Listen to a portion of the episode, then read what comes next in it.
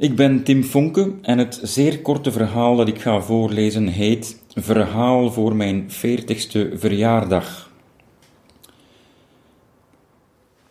De fles wijn is bijna leeg wanneer ik op het etiket lees alcoholvrije wijn. Eerst komt de ontkenningsfase. Tijdens de woedefase ben ik zo woedend dat ik de volgende twee fases oversla. Ten slotte volgt de aanvaarding. Ik ben zwanger. Ik ben veertig jaar. Eindelijk kan ik mijn moeder bellen om te zeggen dat ze een kleinkind krijgt. De wetenschap staat natuurlijk weer voor een raadsel.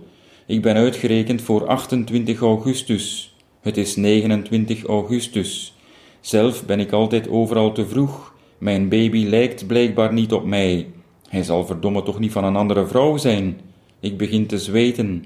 Ik krijg het zodanig warm dat ik bang ben dat straks mijn water kookt. Tussen mijn eerste en mijn tweede wee komt een wetenschapper half dronken thuis.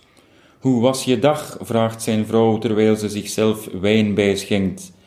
De wetenschapper haalt een biertje uit de koelkast. We stonden voor een raadsel, daarna zijn we nog iets gaan drinken. Hij vraagt niet hoe haar dag was. De fles wijn is bijna leeg.